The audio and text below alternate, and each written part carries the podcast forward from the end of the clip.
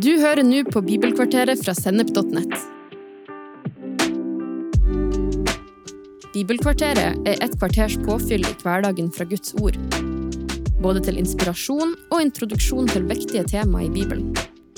Du vil også finne mer stoff på Sennep.nett som gir deg inspirasjon til å følge Jesus i hverdagen. Følg oss på Facebook og Instagram, og abonner på våre podkaster i den podkastappen som du bruker. Da pappaen min var guttunge, hadde han og noen venner kommet i krangel med en nabo. De var skikkelig irritert og ønska å ta hevn på han. Derfor klekka de ut en slu plan. De gikk til naboens brønn, til vannkilden som de henta drikkevann fra.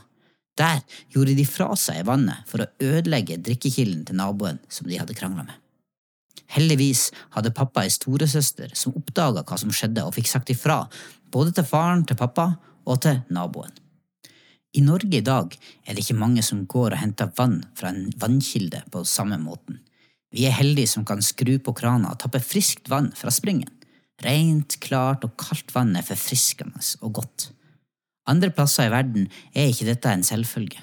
For mange er tilgangen på rent vann et av de største og mest prekære behovene i hverdagen. Det er et spørsmål om liv eller død. I Bibelen så finner vi flere bilder og begreper som går igjen helt fra begynnelsen og gjennom hele Skrifta og helt til slutt. Et av disse bildene er elv, og et annet er ordet kilde. Vi møter denne kilden og elva allerede når vi leser om området Eden i Første Mosbok kapittel to. Det hebraiske ordet Eden betyr glede, luksus eller overflod. Gud planta en hage i Eden. På gresk kaller man det for paradesios, det er der vi har fått ordet paradis fra. I Jesaja blir denne hagen kalt for Herrens hage, og Esekiel kaller den Guds hage. Denne hagen, paradis, beskrives som et fruktbart, luksuriøst, fredfullt og godt sted. Midt i denne gleden plasserer Gud mennesket, og i hagen der så er det en kilde. Ut fra denne kilden så går det ei elv. Elva deler seg i fire og når ut til folkeslagene og områdene rundt. Det gode i Eden blir altså ikke bare værende der.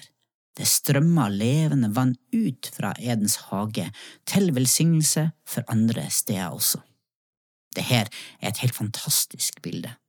Vi finner denne bibelbruken igjen mange plasser i Bibelen. For eksempel i Esekiel, der er det en kjent passasje i kapittel 47 som tar opp igjen dette bildet og maler ut hvordan det renner ei elv ut fra tempelet, stedet der Guds nærhet befinner seg, kilden, om du vil. Han sa til meg, dette vannet renner til områdene i øst og ned på Arabasletten. Når det renner ut i sjøen, blir vannet der friskt. Alle levende vesener som det kryr av overalt hvor denne elven renner, skal få leve. Der skal det bli mengder av fisk, for hvor dette vannet kommer, blir alt friskt og levende, alt som er der elven renner. Esekiel 47, 8–9 Det området som teksten beskriver her, er dalen der Dødehavet ligger i dag. Dødehavet ligger 430 meter under havets overflate. Det har 34% saltinnhold mot 3,5% i vanlig saltvann. Ingenting kan leve under sånne forhold. Likevel så skal det myldre av fisk og liv der på grunn av det levende vannet. Noe av det siste som Bibelen beskriver, er det nye Jerusalem, fredens by, den nye Eden. Der vil den samme elva strømme ut. Engelen viste meg nå en elv med livets vann, klar som krystall. Den springer ut fra Guds og lammets trone. Midt mellom byens gate og elven står livets tre, fritt til begge sider. Det bærer frukt tolv ganger og gir sin frukt hver måned, og bladene på treet er til legedom for folkene. Johannes' åpenbaring 22, 1–2 Jeg tror at det eneste som kan forandre meg, og det eneste som kan forandre deg, er friskt vann. Kilder med levende vann som får strømme fritt og vanner livet vårt. Og når vi kommer sammen til ulike samlinger, så danner disse bekkene elver.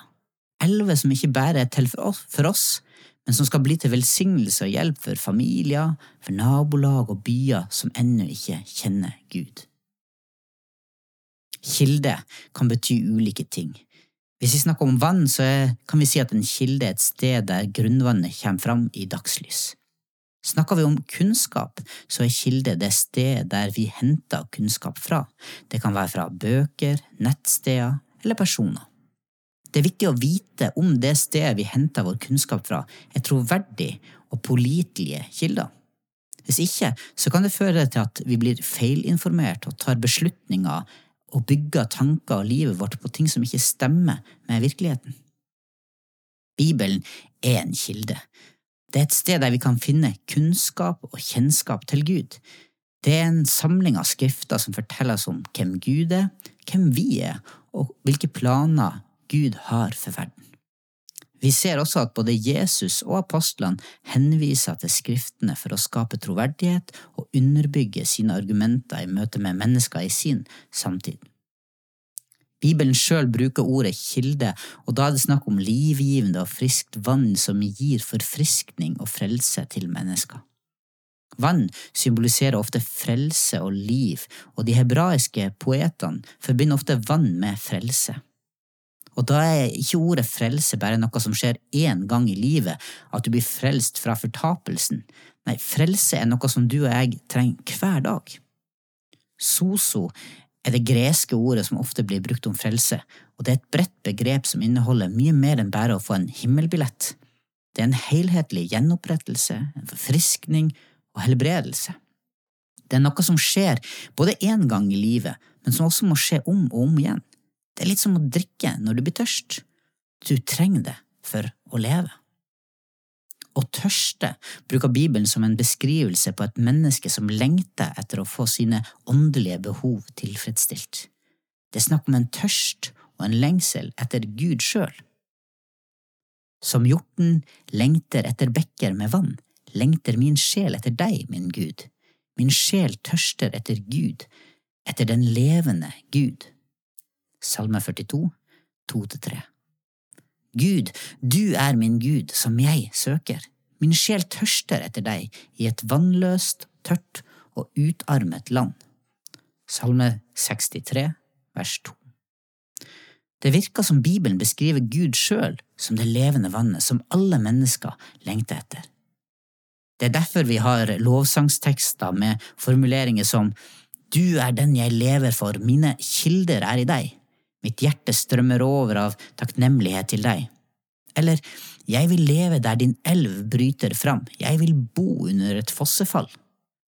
Det her kan jo virke som merkelige formuleringer, men de har sitt opphav i Bibelen og i den lengselen og gleden som beskrives når mennesker finner frelse og fred hos Gud. Her er noen flere eksempler fra Bibelen. De danser og synger, alle mine kilder er i deg. Salme 87, vers 7. Dere skal øse vann med glede av frelsens kilder. Jesaja 12, vers 3. Jeg øser vann over det tørste og bekker over det tørre. Jeg øser min ånd over din ett og mine velsignelser over dine etterkommere. Jesaja 44, vers 3.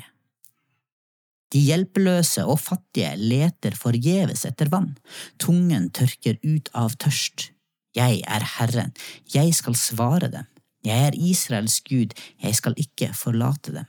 Jeg åpner elver på snaue høyder og kilder midt i dalene. Jeg gjør ørken til innsjø og tørt land til oppkomme. Jesaja 41, vers 17–18. Jeg øser vann over det tørste og bekker over det tørre. Jeg øser min ånd over din ett og min velsignelse over dine etterkommere. Jesaja 44, vers 3. Disse tekstene er fantastiske å lese og grunne på, og jeg vil oppfordre deg til å stoppe opp litt etter at du har hørt ferdig, og be Gud om å forfriske livet ditt. I evangeliet etter Johannes, i kapittel fire, møter Jesus den samaritanske kvinnen. Kvinna var tørst på så mange måter. Hun var der for å hente vann og drikke, men hun søkte også bekreftelse og hadde en dyp lengsel. Jesus tar tak i den situasjonen hun befinner seg i, og viser henne hva hun egentlig lengter etter. Litt senere så står Jesus fram under løvhyttefesten, og så roper han ut, Om noen tørster, han kommer til meg og drikke. Den som tror på meg, som Skriften har sagt, fra hans indre skal det flyte strømmer av levende vann. Dette sa han om den ånd de skulle få, de som trodde på han. Johannes 7, vers 38. Så, i møte med ditt liv, hvor er dine kilder til sannhet og tilfredsstillelse? I møte med framtida, i møte med krig i Europa, i møte med seksuelle fristelser, i møte med sykdom, i møte med jobb eller manglende jobb, i møte med barna dine, i møte med døden, i møte med økonomi, i møte med søsken, i møte med menigheter, i møte med speilbildet ditt. Hvor er dine kilder? Jeg tror at vi som har Den hellige ånd på innsida, kan gjenkjenne Guds kilder i ulike ting. Utfordringa til mange av oss er at vi henter både bekreftelse, kunnskap og tilfredsstillelse fra kilder som ikke er gode for oss. I en travel og oppstykka hverdag med innspill fra kilder som forteller oss hvordan vi skal oppleve lykke i livet, så trenger du og jeg å stoppe opp. Guds levende ord, fellesskapet med søsken og Gud sjøl er sted der vi kan finne det vi virkelig lengter etter. Det handler om hjertet vårt for hjertet vårt er det sted der livet vårt leves ut fra. Bevar ditt hjerte fremfor alt du bevarer, for livet utgår fra det. Ordspråkene 4.23 Men hvordan gikk det egentlig med den vannkilden til pappa sin nabo? Det som skjedde, var at da faren til pappa, min farfar, fikk vite om denne hendelsen, så var det han som måtte stille opp. Han måtte rense kilden og ordne opp i alt det som de her guttene hadde stelt i stand. Sånn er det også med vårt forhold til Gud, vår far. Når vi har skitna til våre kilder, eller gjort ting som trenger omvendelse og tilgivelse, da er Han der for oss. Når vi kommer til Han og bekjenner våre feil, da renser Han oss og gir oss igjen friskt og levende vann. Hvor dyrebar er din kjærlighet, Gud, i skyggen av dine vinger søker menneskebarna ly. De får nyte overfloden i ditt hus, du lar dem drikke av din gledes bekk, for hos deg er livets kilde. Salme 36, 8–10 Er du tørst? Trenger du en forfriskning? Trenger du å rense kildene i ditt eget liv? I dag så kan du og jeg igjen få lov å koble oss på kilden og la Han få rense og forfriske livene våre.